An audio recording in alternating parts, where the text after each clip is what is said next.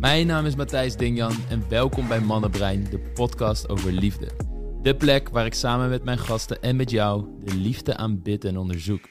Niet door je te vertellen hoe het moet, maar juist door je uit te nodigen om zelf te gaan experimenteren met wat voor jou werkt.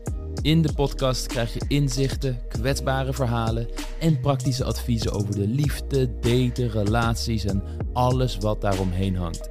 Zodat je in jouw eigen leven meer liefde kan voelen, ervaren en zijn. Enjoy. Welkom Sophie. Dankjewel. Super mooi dat je er bent om jouw reis in de liefde te bespreken. Waarbij we zullen gaan kijken naar het fundament van jouw liefdesblauwdruk. Mhm. En het gezin van herkomst, hoe ben je opgegroeid, hoe zag dat eruit? Eh, wat zijn de modelrelaties die jij in je omgeving hebt gehad? Hoe ben je vervolgens zelf in de liefdeswereld terechtgekomen om je eigen relaties te gaan vormen? Ehm, wat een pad is waar denk ik heel veel luisteraars in, zich in zullen herkennen. Ehm, kijk, er- we hebben, als ik het eventjes heel gechargeerd zeg, twee grote groepen. Het zijn mensen die best wel heftige dingen hebben meegemaakt in de liefde. En Mhm. die echt eerst met traumaverwerking, eh, dus vaak ook wel wat langdurige psychologische trajecten aan de slag moeten gaan. En die dan bij ons komen om een eh, liefdesblauwdruk te ontwikkelen waarmee ze uiteindelijk een duurzame relatie kunnen onderhouden. Maar er is ook een groep mensen die eigenlijk gewoon al best wel een hele fijne jeugd had. Heel liefdevol zijn opgegroeid. eh, ouders die er gewoon echt voor hen waren. Eh, en die ook gewoon eh, best wel gewoon oké relaties kregen. Maar toch tegen bepaalde problemen aanlopen waarbij ze zoiets hebben van... Hè, ik voel dat die dingetjes nog steeds niet helemaal kloppen. Ik loop nog steeds tegen bepaalde angsten of onzekerheden aan. En dat is meer het, het verhaal van jou. Ja, Eh, klopt ja. en dat is ook voor een hele grote groep mensen eh, relevant. Dus ik ben heel blij dat je dat hier wilt delen. Mhm. Ik vind dat super mooi, maar ook ontzettend moedig. Dus eh, bedankt daarvoor. Ja, laten we er gewoon gelijk induiken. Kan jij eh, vertellen hoe het was voor jou om op te groeien? Ja, zeker. Nou, het, was, het is ook wel grappig dat je het zegt, want ehm, nou ja, mijn jeugd was gewoon heel fijn, heel liefdevol. Eh, ouders, broer en zus, vriendinnetjes en gewoon heel fijn. Ik kon eigenlijk alles vragen wat ik wilde. Als ik verdrietig was, werd ik getroost. Als er iets aan de hand was, kon ik daarover praten. Eh, ja, basisschool was ook eigenlijk altijd wel fijn. Natuurlijk wel met, eh, ja, met vriendinnetjes en vriendjes, dat het dan qua speelsheid of eh, met spelen niet dan zo gaat zoals je wil. Maar ook wel Mhm. weer fijne dingen, zeg maar. Niet dat ik gepest ben of zo. Ja, Dus in die zin eigenlijk heel fijn. En dat je dan ook wel soms kan afvragen, maar waarom twijfel ik dan over bepaalde relaties? En, Mhm. ehm, en dan vriendschappelijk en liefdevol, dat je denkt, nou, waar komt dat dan vandaan?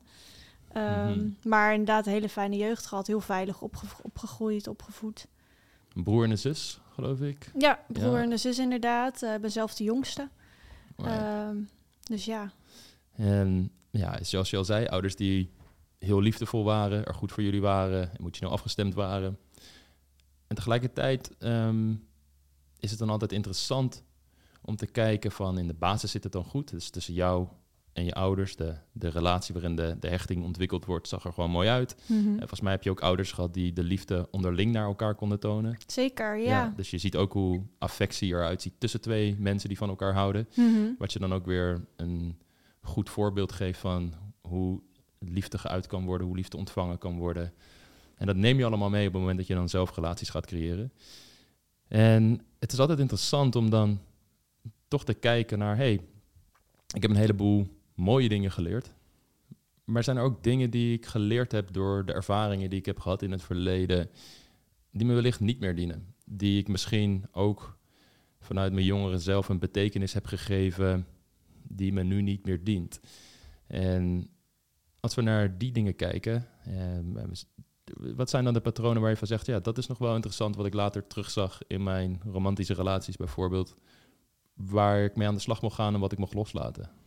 Ja, dat is een goede vraag. Want bij mij werd ik echt continu verzorgd door mijn ouders. Ik kon alles krijgen wat ik wilde. Bewijs van werd heel de tijd vertroeteld. Mhm. Maar zonder grenzen in die zin. Eh, en dat heb ik wel geleerd vanuit mijn opvoeding. En dat heb ik gezien vanuit mijn opvoeding. Dat je echt voor mensen moet gaan en dat je voor mensen moet zorgen. Ehm, en ik heb gemerkt in mijn romantische relaties, maar ook in vriendschappen, dat dat best wel lastig is waar dan de grens zit en tot hoever je dan gaat bij mensen die je lief hebt. Dus ga je die mensen dan ook heel de tijd zitten verzorgen? Ga je die mensen dan bijna dan pleasen? Ga je alles voor die mensen doen zonder dat je iets terugkrijgt? Hmm. Want ouders die blijven dat doen zonder dat ze wat terugkrijgen. Maar in andere relaties Mhm. is dat interessant als je dat op die manier door gaat zetten, zeg maar. Of dat je dingen blijft doen zonder dat je daadwerkelijk iets terugkrijgt daarvoor. Right. En dat, dat, die even, of dat evenwicht vond ik soms wel lastig.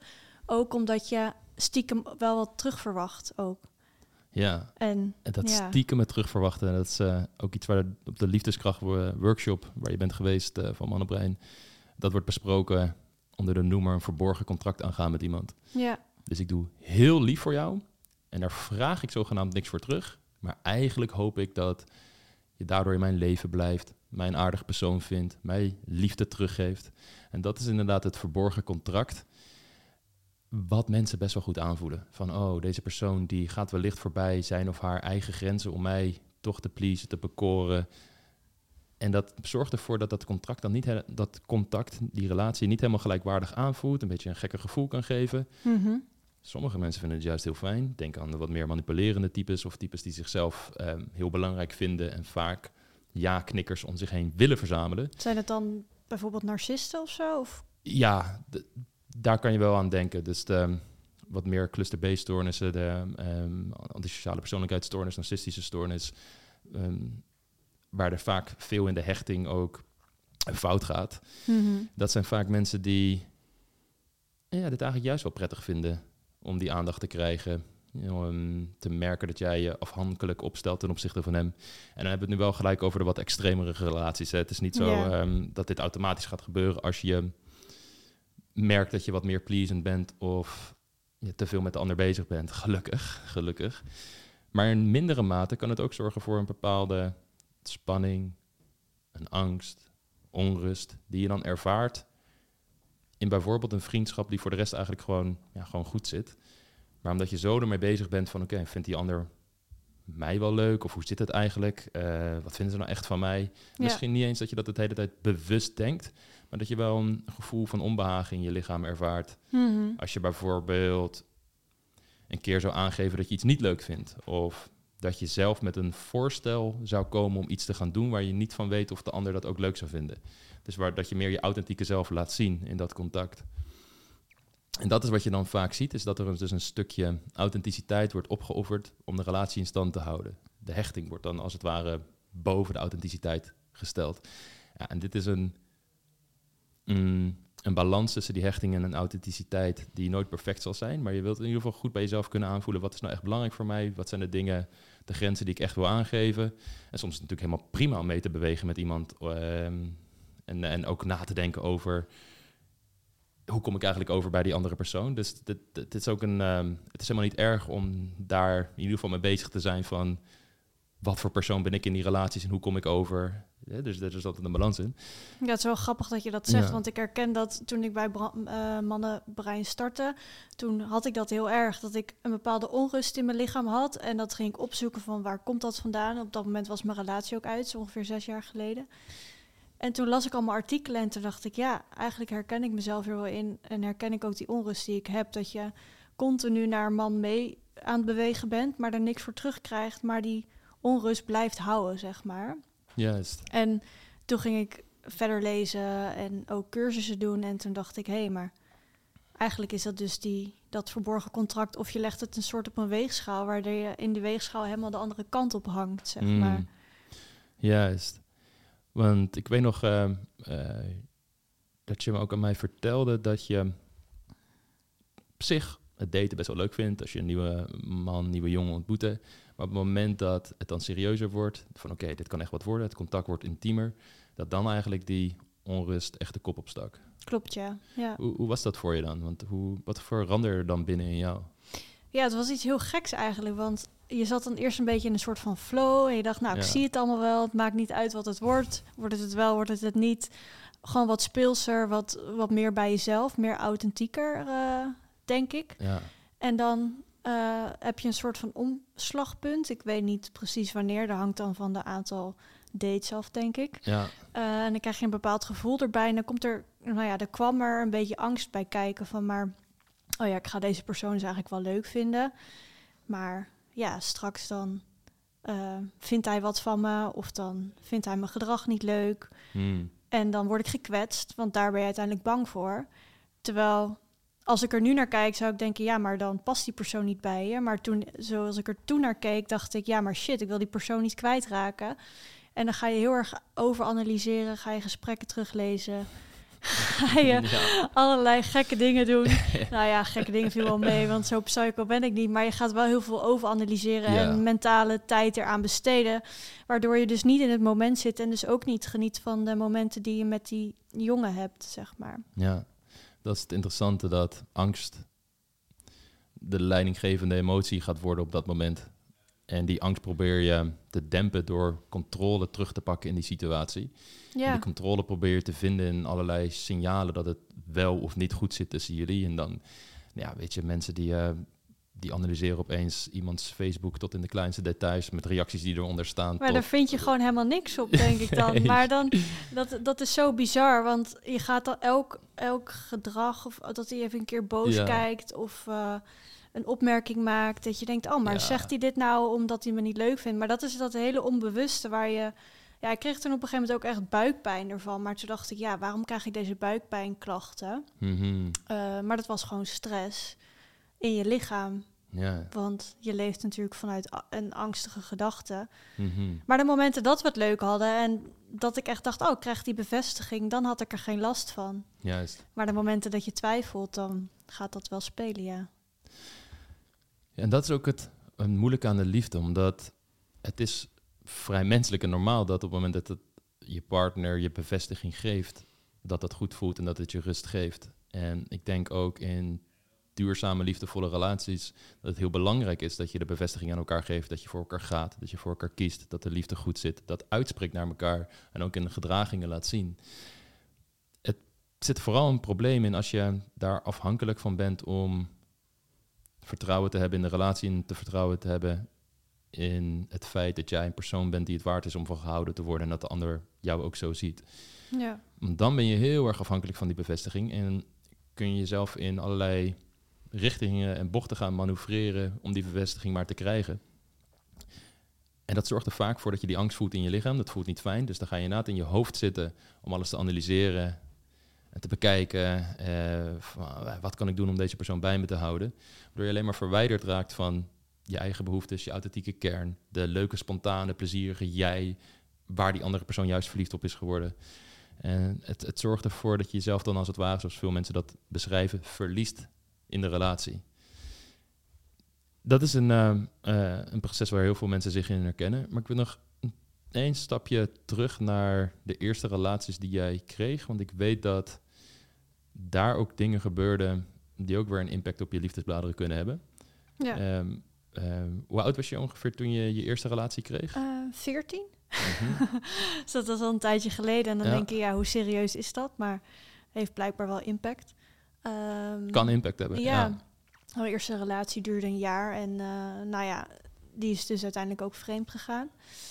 Kwam ik dan later achter via via. En Mhm. vervolgens kreeg ik daarna nog een relatie. En die jongen zag ik uiteindelijk vreemd gaan met zijn ex bij de Albert Heijn.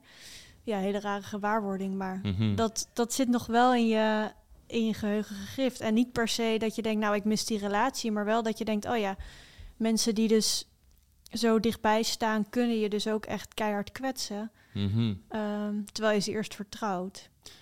En dat is waar het om gaat. Want als je Ja. kijkt naar iemands liefdesblauwdruk, dan bestaat die liefdesblauwdruk uit allerlei ervaringen die je hebt meegemaakt, die bepaalde overtuigingen gaan vormen ehm, over jezelf, over relaties, over vertrouwen in relaties, over mannen. En dat gaat de bril zijn, de bril vormen waardoor je naar de liefde kijkt, waardoor je naar daten gaat kijken, naar nieuwe personen gaat kijken. En heel veel van dit soort ervaringen, eh, ondanks dat je vrij jong bent, kunnen wel veel emoties teweeg brengen op dat moment.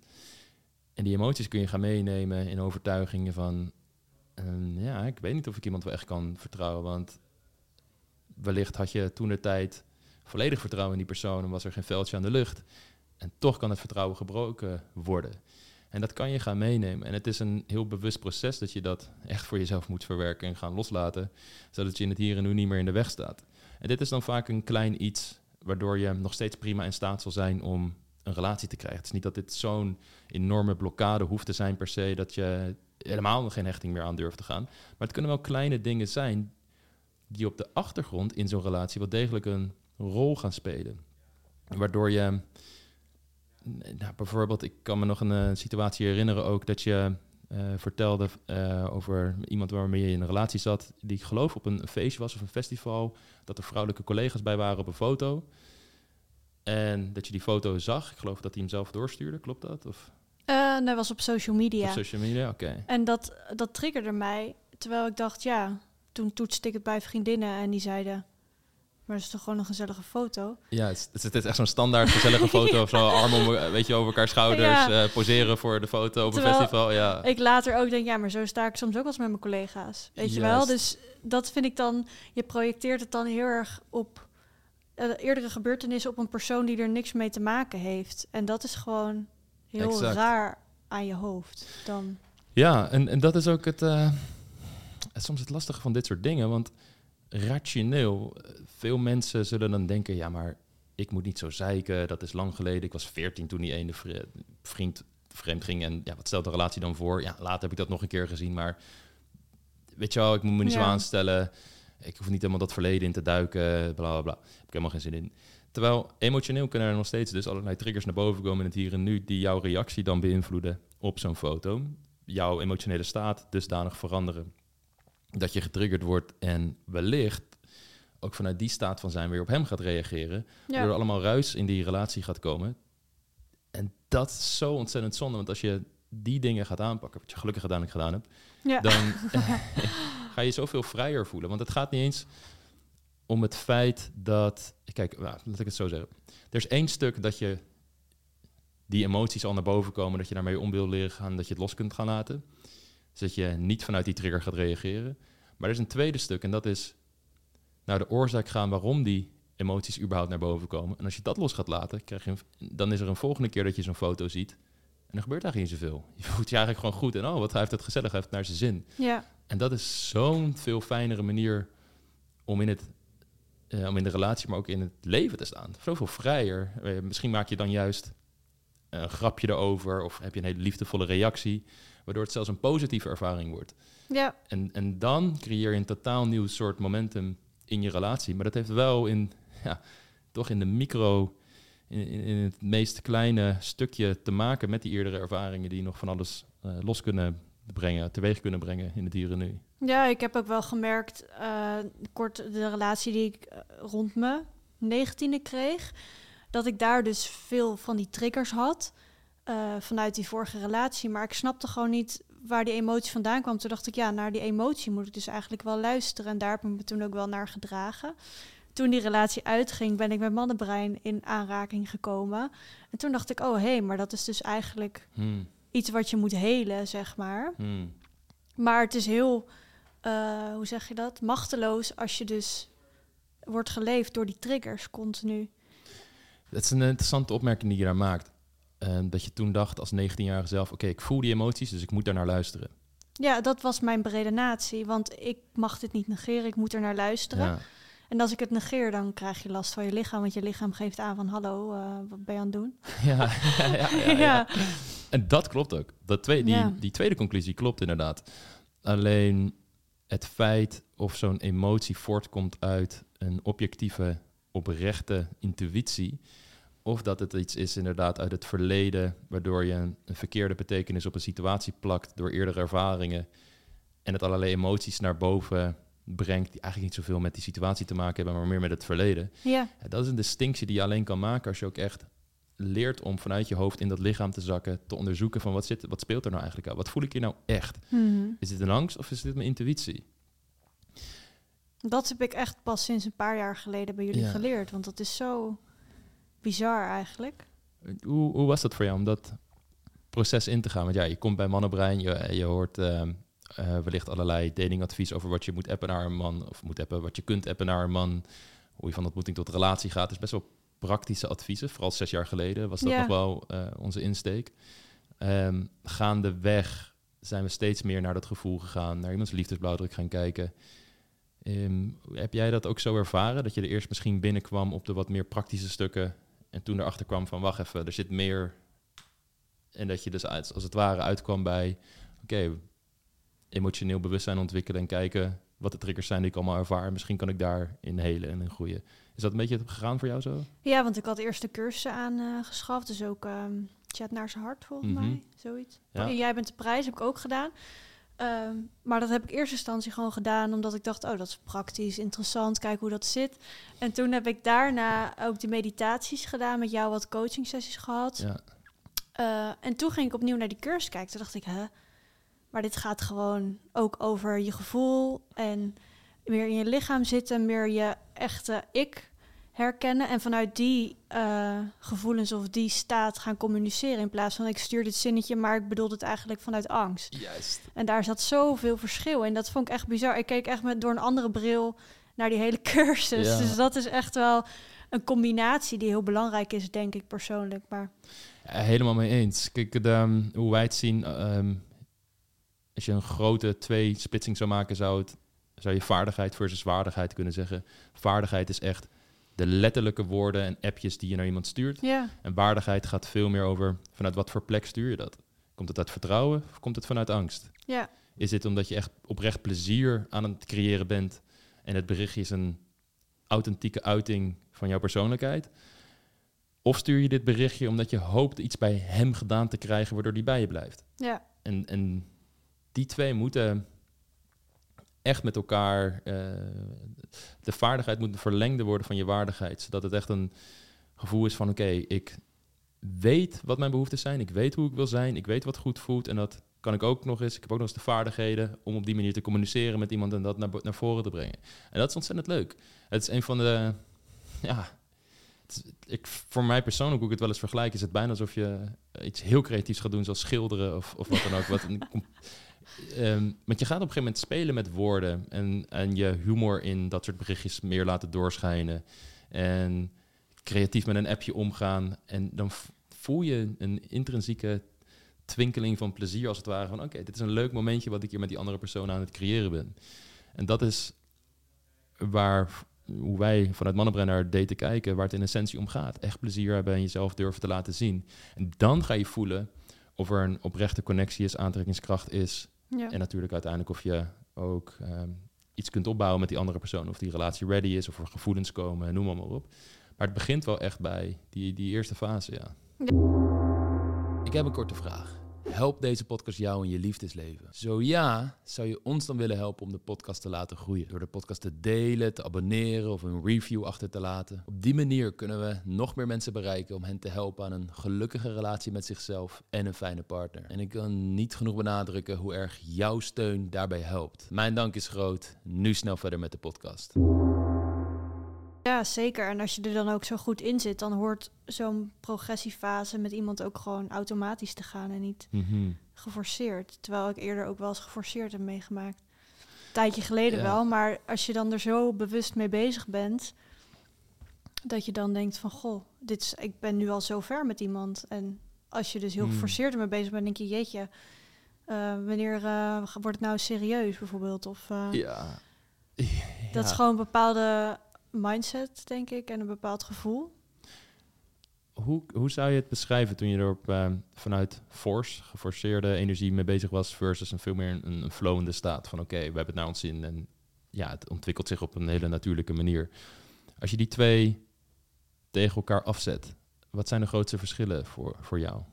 Nou, forceren, dan denk je, nou oké, eh, ik heb je nu een week niet gezien, ik moet je nu zien. Want eh, eh, ja, we moeten het leuk hebben. Vooral dat stukje moeten, of dat je Mm. ziet van, oh, maar mijn vriendinnen die doen bijvoorbeeld dit en dit als date. Ja, bij mij moet dat natuurlijk ook wel zo gaan.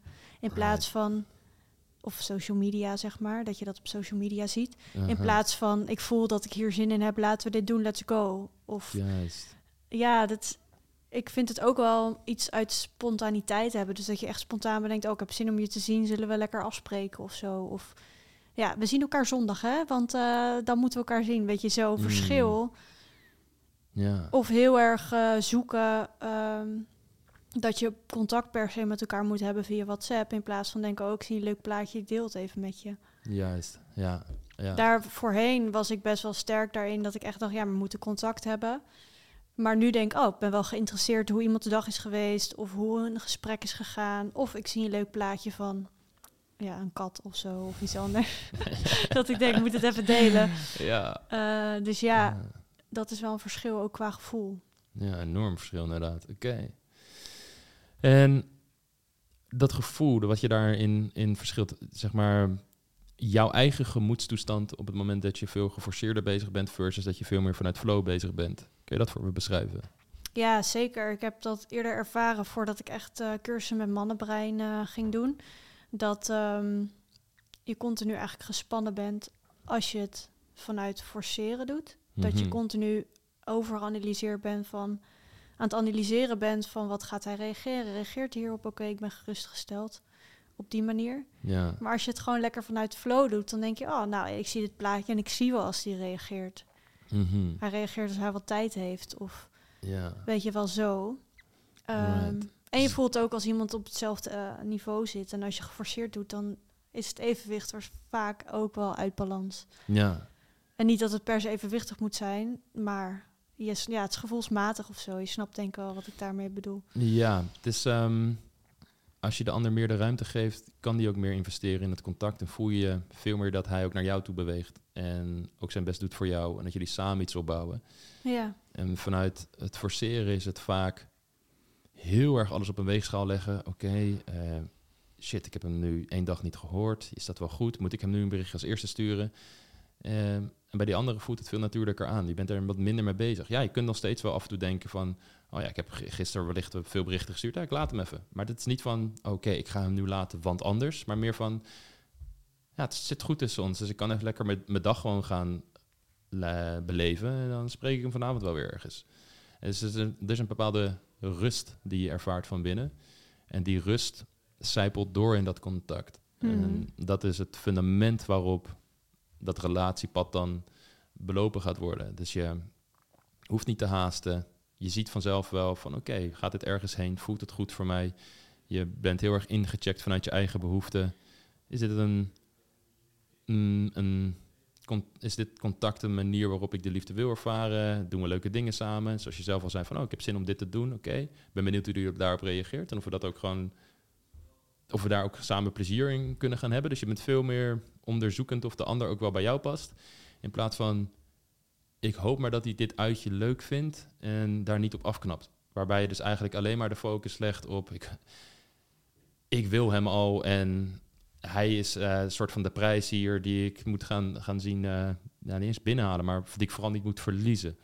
Ja, ik kan Mm. me ook wel herinneren dat je uh, bij die cursus, jij bent de prijs ook wat mantra's op Ja. had genomen. Ja, die hebben mij ook echt ontzettend geholpen. Mhm. Maar ook in vriendschappen, zeg maar, dat je echt wel je eigen waarde daarin op een normaal niveau, op een gezond niveau behoudt. Juist. Wat, ehm, op wat voor manier ervaar je dat in, in vriendschappen? Hoe, wat heeft het voor jou daar veranderd? Nou, in vriendschappen had ik ook wel dat ik best wel sneller naar mensen toe kon bewegen dan dat ik het terugkreeg. En uh, dat Mm. er dan ook dingen geforceerd uh, konden worden. Zoals vroeger toen ik uh, nog heel klein was. heb je wel eens meegemaakt dat je dan werd afgewezen om te spelen met een vriendinnetje of zo. En toen dacht Mhm. je, ja, maar misschien moet ik dan heel veel energie erin steken en dan wil dat vriendinnetje wel spelen.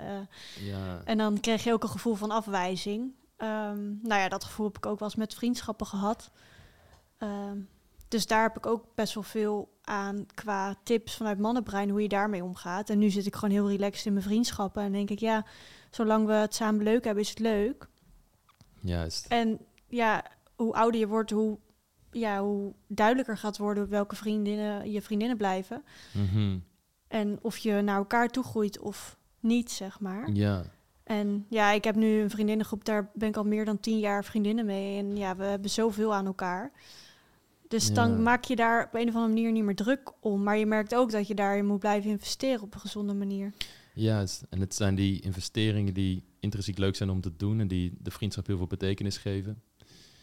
En die, dat heeft denk ik ook wel met leeftijd te maken dat je ouder wordt. Ehm, mits het ouder worden gepaard gaat met ook zelfontwikkeling. dat er wat diepere gesprekken kunnen komen, wat meer kwetsbaarheden getoond kunnen worden, onzekerheden getoond kunnen worden en daar hele mooie gesprekken over gevoerd kunnen worden. En je dus ook meer steun bij elkaar gaat vinden Ehm, wat de vriendschap gigantisch waardevol en, en betekenisvol en mooi maakt. Ja. Mhm. Zeker, je maakt ook allemaal dingen samen mee en eh, dan zie je hoe mensen daarop reageren. Het is natuurlijk niet altijd leuk. Je maakt Nee. ook verdrietige dingen mee samen. Absoluut. En ook heel veel leuke dingen natuurlijk. Ja. Ja. In, je, ehm, in je liefdesleven, dus je had een, een paar relaties gehad. Je bent Mhm. bij Mannenbrein terechtgekomen. Eh, ik weet eh, ten tijde dat je voor de eerste keer, jij bent de prijs doorliep, dat je toen een, vol- volgens mij ook daarna een relatie hebt gekregen. Klopt, ja. een- ja. Ja, En daar eigenlijk achter gekomen dus dat je best wel veel patronen van te veel naar hem toe bewegen eh, vertoonde, noem maar op. Die relatie is uitgegaan. Je was weer single. Toen hebben we ook een, ehm, eh, nog contact gehad. Vlak daarvoor had je een coaching sessie gedaan ook. Onder andere, toen ben je weer gaan daten. Eh, hoe stond je nadat je dat hele proces had doorlopen? Dus ja, met de prijs nog een keer doorlopen. Echt goed naar je gevoel toe gegaan. Bepaalde onzekerheden en angsten losgelaten. Hoe was het om toen weer te gaan daten? nou ja, eigenlijk wel vertrouwd. Want die ehm, relatie die uit was gegaan, voelde ik eigenlijk heel sterk dat het niet bij me paste. Mijn lichaam gaf het ook aan. Dus ik had ook wel echt geleerd van, nou ja, dit, dit voelt niet goed, zeg maar. En toen het Mhm. uitging, was het ook in die zin voor mij... Natuurlijk is het een soort van rouw, maar ook wel een opluchting. Dus ik voelde heel erg aan mijn Mhm. lichaam, dit is oké. Dus kon ik daar ook op vertrouwen dat het oké was om weer verder te daten. Want dat voelde ik ook echt aan. Ehm, maar ik ben er gewoon go with the flow open ingegaan. En ehm, ja, eigenlijk wel vrij relaxed. Ook wel aan kunnen voelen wat voor dates ik dan zou willen. Maar ook aan kunnen geven als ik er geen zin in had. Ehm, dus dat is Ja. ook echt wel belangrijk. En ook dan met de persoon, nou ja, dat is dan nu wel mijn relatie, erover hebben van, goh, ik heb dit en dit meegemaakt. Eh, mijn vorige relatie was zo en zo. Daar zijn we heel open over naar elkaar. Hij is ook heel erg open over zijn relaties. Eh, nou ja, zijn vorige relaties dan. Hij heeft er niet een aantal naast elkaar. Ja. Maar eh, ja, zo leer je elkaar wel kennen. We hadden het er ook laatst over van, nou, wat als je nu ineens mijn ex tegen zou komen? Zou je dat, zou je dat ongemakkelijk vinden of niet, zeg maar? Nou ja, eigenlijk zei ik ook van, nou ja, eigenlijk helemaal niet. Ik ben best wel benieuwd wat voor type het is. En ehm, Hmm. ja, dat heeft jou wel gewoon gevormd. Dus wij, wij zijn ook gewoon heel open, ook tijdens het daten geweest van... oh, maar ik ben hier ook wel eens met mijn ex geweest. Of eh, ik eh, besprak dit wel eens met, me, met een relatie. Of ik heb wel eens, eh, nou ja, zo. Juist. Maar normaal voorheen zou ik daar echt denken... ja, shit, ik word er jaloers van, want hij heeft het leuk gehad. Bijvoorbeeld met Hmm. anderen, bijvoorbeeld uh, rond dat ik uh, begin twintig was... Hmm. Um, maar nu denk ik, ja, maar dat hoort wel bij iemands leven. Je kunt dat niet negeren. Mm -hmm. En zo zijn we heel erg open naar elkaar, uh, wat ik heel erg waardeer. Ja, wauw. Ja, dat is ontzettend mooi dat je op zo'n manier het vertrouwen in elkaar hebt dat dat soort situaties met een ex geen bedreiging vormen voor de relatie die jullie samen hebben. En dat je er zelfs sterker nog vanuit een positieve nieuwsgierigheid mee omgaat. Van, oh, wel interessant hoe dat eigenlijk allemaal zit. Dat is zo'n krachtige uiting van hoge eigenwaarde en zelfvertrouwen en zelfliefde. Dat je weet van ja, het zit gewoon goed tussen ons. Ik ja. weet wie ik ben. Uh, ik ben totaal niet bang dat jij dan opeens weer voor je ex gaat of wat dan ook. Want waarom zou dat? Mm. Ja, we communiceren ook open naar elkaar. Want je hebt natuurlijk in tijden van social media dat je wel eens benaderd wordt door iemand anders. Of Right. uh, weet je wel zo. Maar wij willen zo graag open naar elkaar zijn. Mhm. Uh, dat we dat ook doen. En dat geeft ook wel een stukje vertrouwen, zeg maar. Maar dat, hij zegt ook, dat moet ook wel kunnen, omdat je op een bepaalde manier reageert. Op een volwassen manier. En anders, andersom is dat natuurlijk ook. Juist, dat vertrouwen kan alleen bestaan als de ander het geloof heeft dat hij of dat zij het ook tegen jou kan zeggen. Mensen vermijden altijd pijn en ongemakkelijke situaties. Dus op het moment dat we merken van, oeh, ja, deze persoon kan er waarschijnlijk ook niet mee omgaan, dan is het moment dat er toch wat meer geheimen in een relatie gaan komen, die dan soms uitkomen, waardoor het vertrouwen juist geschaad wordt. En, en tegelijkertijd is er ook wel weer gewoon een vertrouwen van, ja, je hoeft ook niet alles te delen. Er is ook wel weer een soort vertrouwen van, ja, het is ook oké als je wat dingen meemaakt die je niet deelt, omdat ze misschien voor jou gewoon oprecht niet zo belangrijk zijn en je ook objectief kunt zeggen van ja, het maakt inderdaad ook niet zoveel uit. Die kleine situatie, ja, oké, er flirten met iemand met me. Misschien had hij het uh, de volgende dag, nadat dat bijvoorbeeld geweest was op een feestje de, avond daarvoor, dat hij de volgende dag niet tegen je verteld heeft, maar dat het later wel ter sprake komt een keer. Ook. En dat is, oh, trouwens, ja, ik wat ik laatst meemaakte. Dat, dat, ja, dan zit er een soort luchtigheid in dat dat gewoon normaal besproken kan worden. Ja, dan zeg ik altijd, ja, dat snap ik wel. Ja, dat zou ik ook doen. ja. ja, en precies dat. En dan breng je er weer, ook weer humor in. Wat laat zien dat je helemaal oké bent met dat soort onderwerpen. Als je er echt oprecht over kunt lachen. En inderdaad, het niet een soort weglachen is. Maar dat, eh, dat is Ja. het zeker niet in zo'n situatie. ja, het is, het is ook gewoon het, ook wel het leven, denk ik. Je, je Mm. kan niet... Ja, je komt mensen tegen, toch? Ik bedoel... Ja. Hoe, hoe ervaar jij dan nu de liefde? Hoe kijk je daarnaar? Nou, ik kan natuurlijk niet zeggen dat allemaal patronen compleet weg zijn. Want ik merk soms wel, omdat je natuurlijk gevoelens voor iemand hebt, Mhm. dat eh, een bepaalde situatie dat je denkt, nou ja, ik wil nu wel aangeven wat ik hiervan vind. Of hij vertelt wat uit zijn verleden, dat ik denk, oh, maar dit, ik merk wel dat het iets met me doet. Maar Mhm. dan check ik altijd even in bij mezelf en dan denk ik, oh, wat vind ik hier nou echt van? In plaats van gelijk uit de eerste reactie. Juist.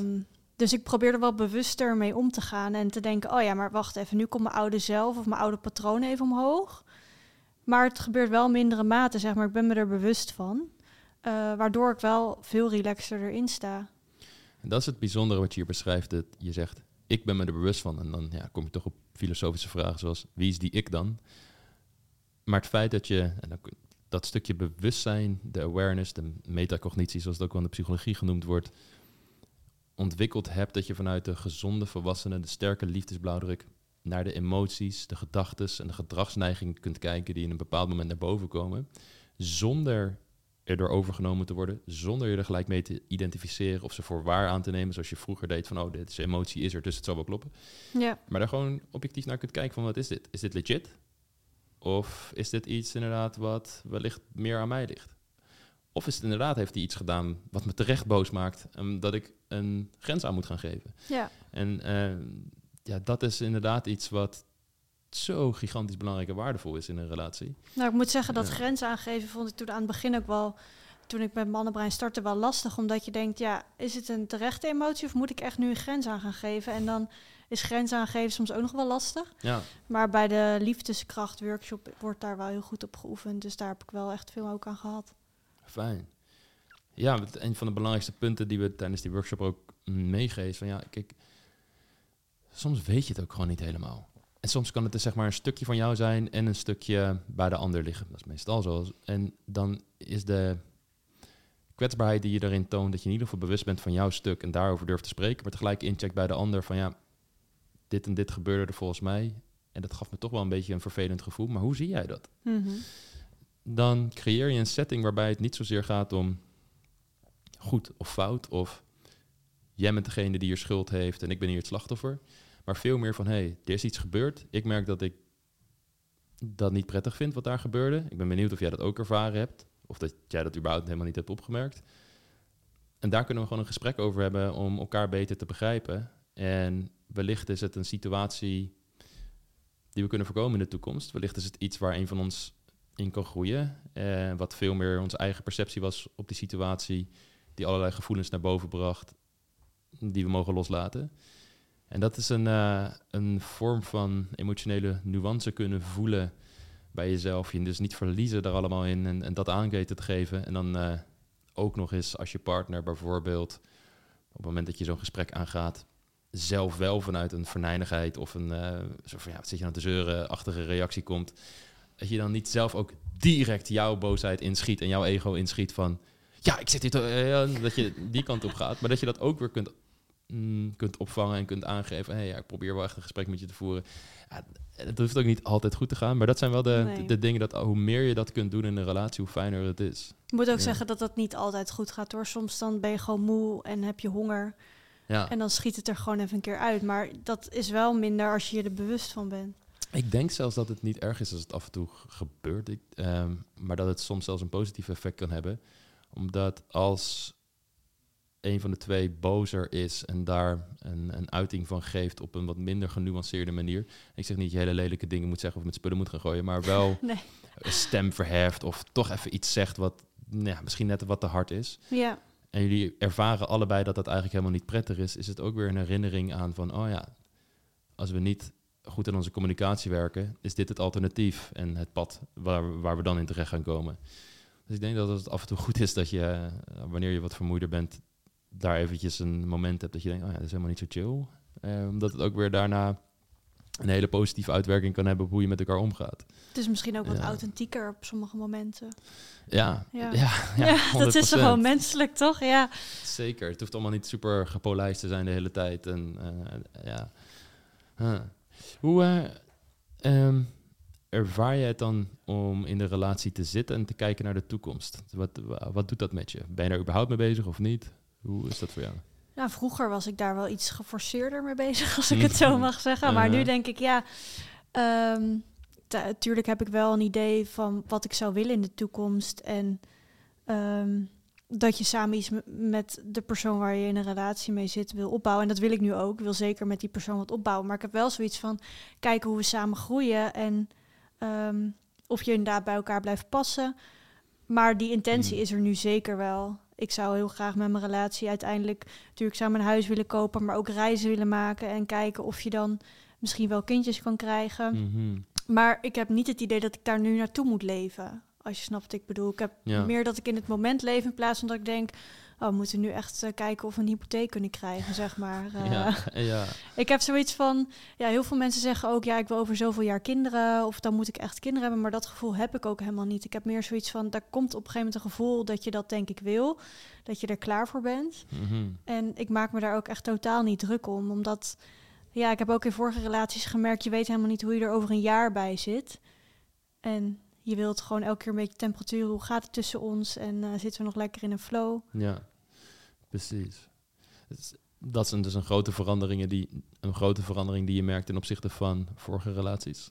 Wat zijn andere grote veranderingen die je hebt gemerkt nu je dit hele proces van zelfontwikkeling eh, hebt doorlopen? Ehm, ja, ook wel in mijn werk. Heb ik Hmm. ook wel veranderingen ehm, gemerkt. Want ik was normaal altijd degene die best wel ondergesneeuwd kon worden door wat dominantere eh, collega's. Mhm. Eh, maar echt wel geleerd om voor mijn standpunt op te komen, te onderbouwen, kritische vragen te stellen, maar ook wel op een vriendelijke manier, niet op een aanvallende manier. Ehm, ja.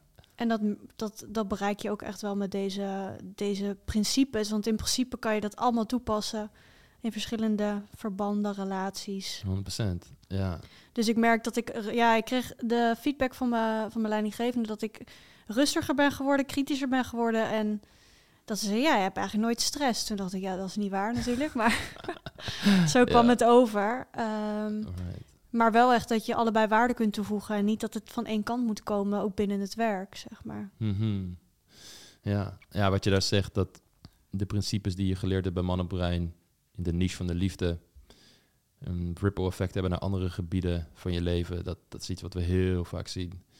Want ja, als je beter met je emoties om kunt gaan, beter met bepaalde patronen zoals pleasen om kunt gaan en dat los kunt laten, veel beter bij je eigen behoeftes kunt inchecken en dat ook weet te communiceren en aan te geven, grenzen leert te stellen en die op een, een krachtige, doch liefdevolle manier weet te communiceren, dan gebeurt dat inderdaad ook in collegiale relaties, vriendschappelijke relaties, met je familie.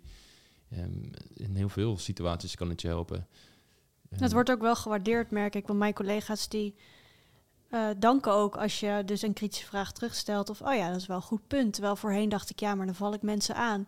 En toen zei mijn leidinggevende, jij valt mensen niet aan op de manier hoe je het zegt of vraagt. Mhm. Maar dat is dan een belemmerende overtuiging die ik dan heb. Ja, ja. Grappig hè, hoe die dingen werken. En dat je daar opeens dan in je werk ook veranderingen merkt. Hmm. Wat zou je nog willen zeggen tegen, hm, als je terugdenkt aan je, je oudere zelf, dus je, je jongere zelf, maar eh, zeg maar van een poosje geleden. Wellicht zitten er mensen die nu net Mannenbrein kennen, net naar deze podcast luisteren. Mensen eh, die aan het begin staan van het ontdekken wat de patronen zijn die ze in zich meedragen, waarom het wellicht niet lukt in de liefde. Eh, als je iets zou zeggen, dus eigenlijk tegen jijzelf, jouzelf zeven jaar geleden ongeveer, wat, wat zou dat zijn? Nou, dat je in principe het fijn zou zijn om gewoon meer in flow te kunnen leven. In plaats van geforceerd te kunnen leven en denken dat je overal controle op hebt. Want in principe heb je geen controle over andere mensen, maar alleen controle over je eigen handelen, over je eigen zelfliefde, over je, nou ja, je gedrag, zeg maar. Mhm. Ehm, en daar kun je meer rust in vinden zodra jij ook je eigen gevoel, je eigen authentic- authenticiteit Hmm. kan ervaren. En daarnaar kan handelen, zeg maar. Ehm, ja, en neem ook echt de tijd voor jezelf. En ga ook niet eh, haasten om die cursussen er doorheen te jassen.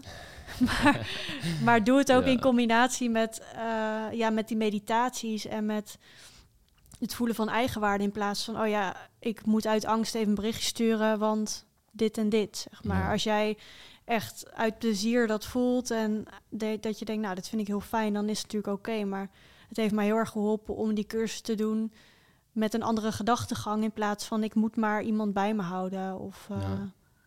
Ja, ik denk dat dat soms dat mensen moeten ervaren dat het niet werkt om alleen maar op de vaardigheid te focussen op het moment dat er emotioneel van alles speelt.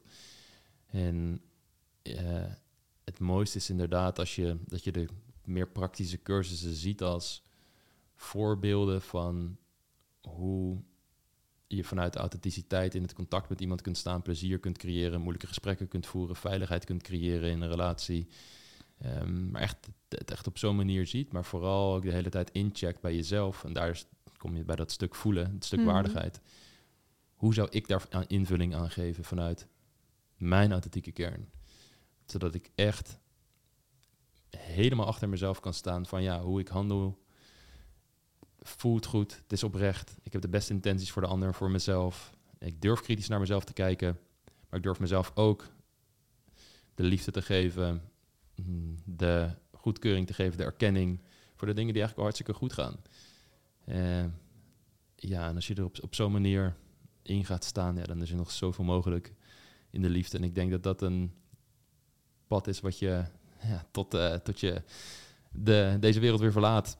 Of wat je overtuiging ook is, kunt blijven bewandelen. En wat een heel liefdevol mooi pad is met alle verschillende fases waar je nog in je leven doorheen zou gaan. Eh, dus ja, ik, ik denk dat dat een hele mooie boodschap is. Heel erg bedankt nogmaals voor het delen van jouw verhaal hiervan. En eh, ik hoop dat veel luisteraars er wat aan hebben. ja, dat hoop ik ook. Dankjewel. Graag gedaan.